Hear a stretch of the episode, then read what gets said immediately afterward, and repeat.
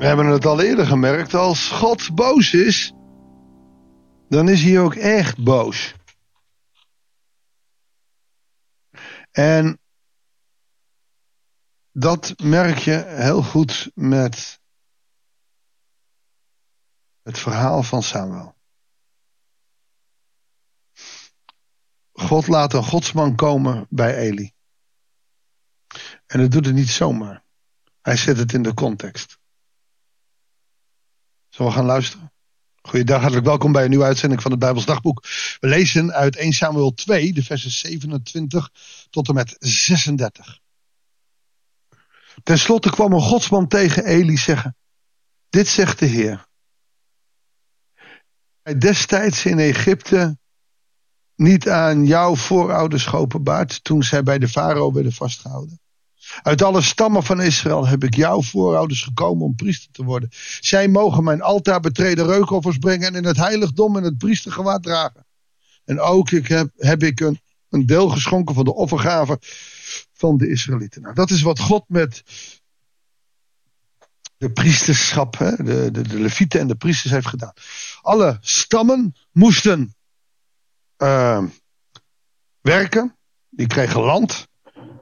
Maar God wilde ook dat de eredienst doorging. Dus priesters en levieten werden uh, vrijgesteld van het werk op het land. En zij mochten God dienen. Zij kregen eten en drinken. Hè, dus de opbrengst van het land. En ze kregen heel veel. Nou, precies waar ze voldoende hadden om te leven. En dat, dat zijn de zonen van Eli, Hofnis en Pinas, nu aan het vernachelen, om het zo maar te zeggen, om, en aan het vernielen.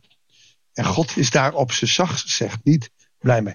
Al heel lang geleden heeft God in Egypte die priesterschap een heilig priesterschap gemaakt. En in Petrus lezen we, en in die context moet je dit ook lezen. In Petrus lezen we ook dat hij over ons zegt: U bent een heilig priesterschap. Een priesterschap alle gelovigen. Iedereen is priester. Dit gaat jou en mij aan. Dit zijn teksten die niet zomaar geschiedenis zijn. Heilig leven is ook onze opdracht. Maar jullie gaan je te buiten, zegt hij. En dat zegt hij tegen Eli.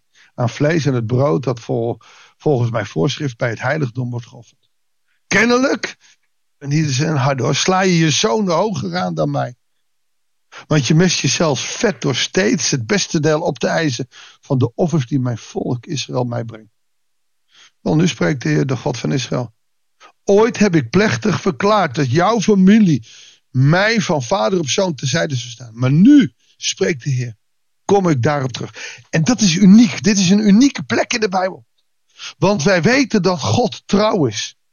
Wij weten dat Gods trouw zo ver gooit dat wij nog zoveel kunnen vernielen. En Gods trouw blijft ons nabij. Want hij kan niet zelf ontrouw zijn.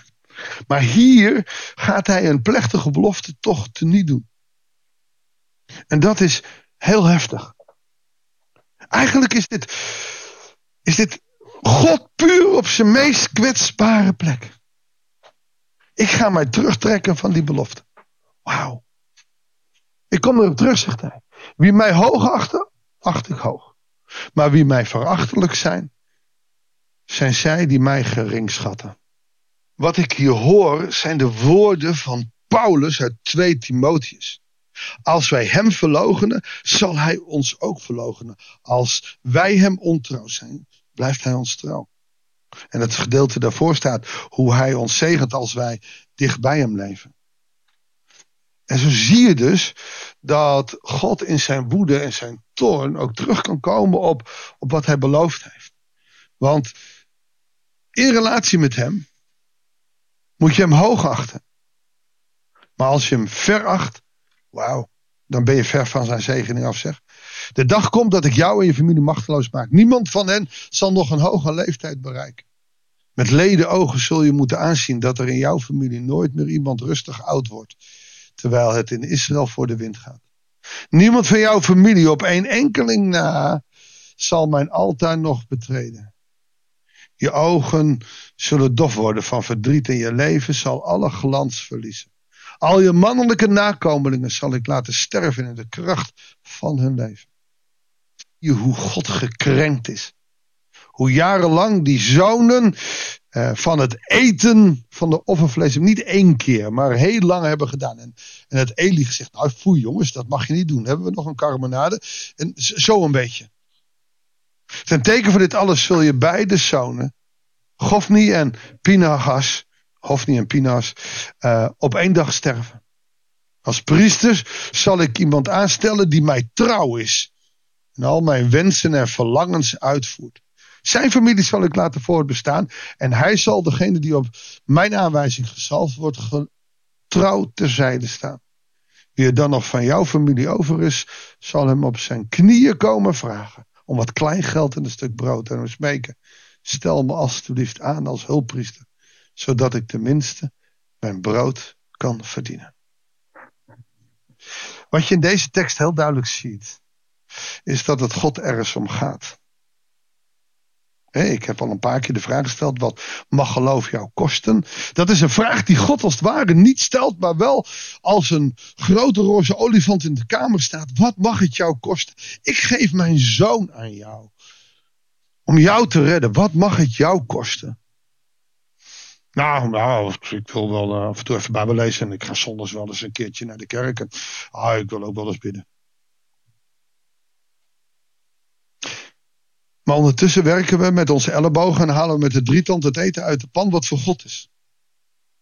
Onze offers aan Hem offeren we niet aan Hem, maar houden we voor onszelf. Onze God is niet koning Jezus, ja op zondag in de kerk, maar onze God is koning Ego. Gaan wij dat nog redden? Hoe lang ga ik, ga jij als luisteraar dit nog redden? Om je ego vooraan te laten staan en niet God op de eerste plaats te laten staan. Nu doen het ten braaf. En uh, God is de grootste koning en zingen de long uit de lijf met opwekking. Of psalm of gezangen. Het gaat op maandag tot en met zaterdag. Het gaat erom in jouw werk, in je dagelijkse leven. Is God jouw koning?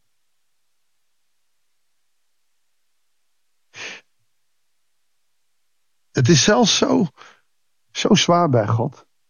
Dat hij zijn belofte niet doet. Ik heb beloofd altijd met je te zijn. Dat heeft hij via Jezus in ons gezegd. Maar als wij niet bij hem blijven, als wij hem verlogen, zal hij ons niet kunnen zegenen.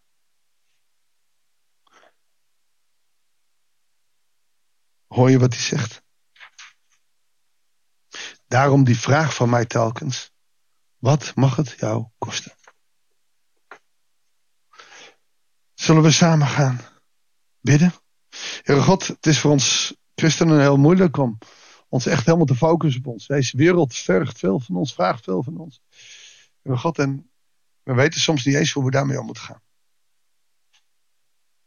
Het is ontzettend moeilijk voor ons om ons helemaal over te geven aan u.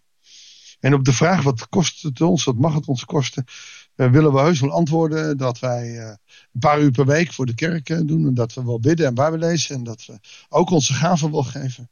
Maar dat is niet de vraag die u stelt. Mogen wij, kunnen wij ons hele leven opdragen aan u? God, we willen vragen of u door de kracht van uw geest ons daarin wil laten groeien.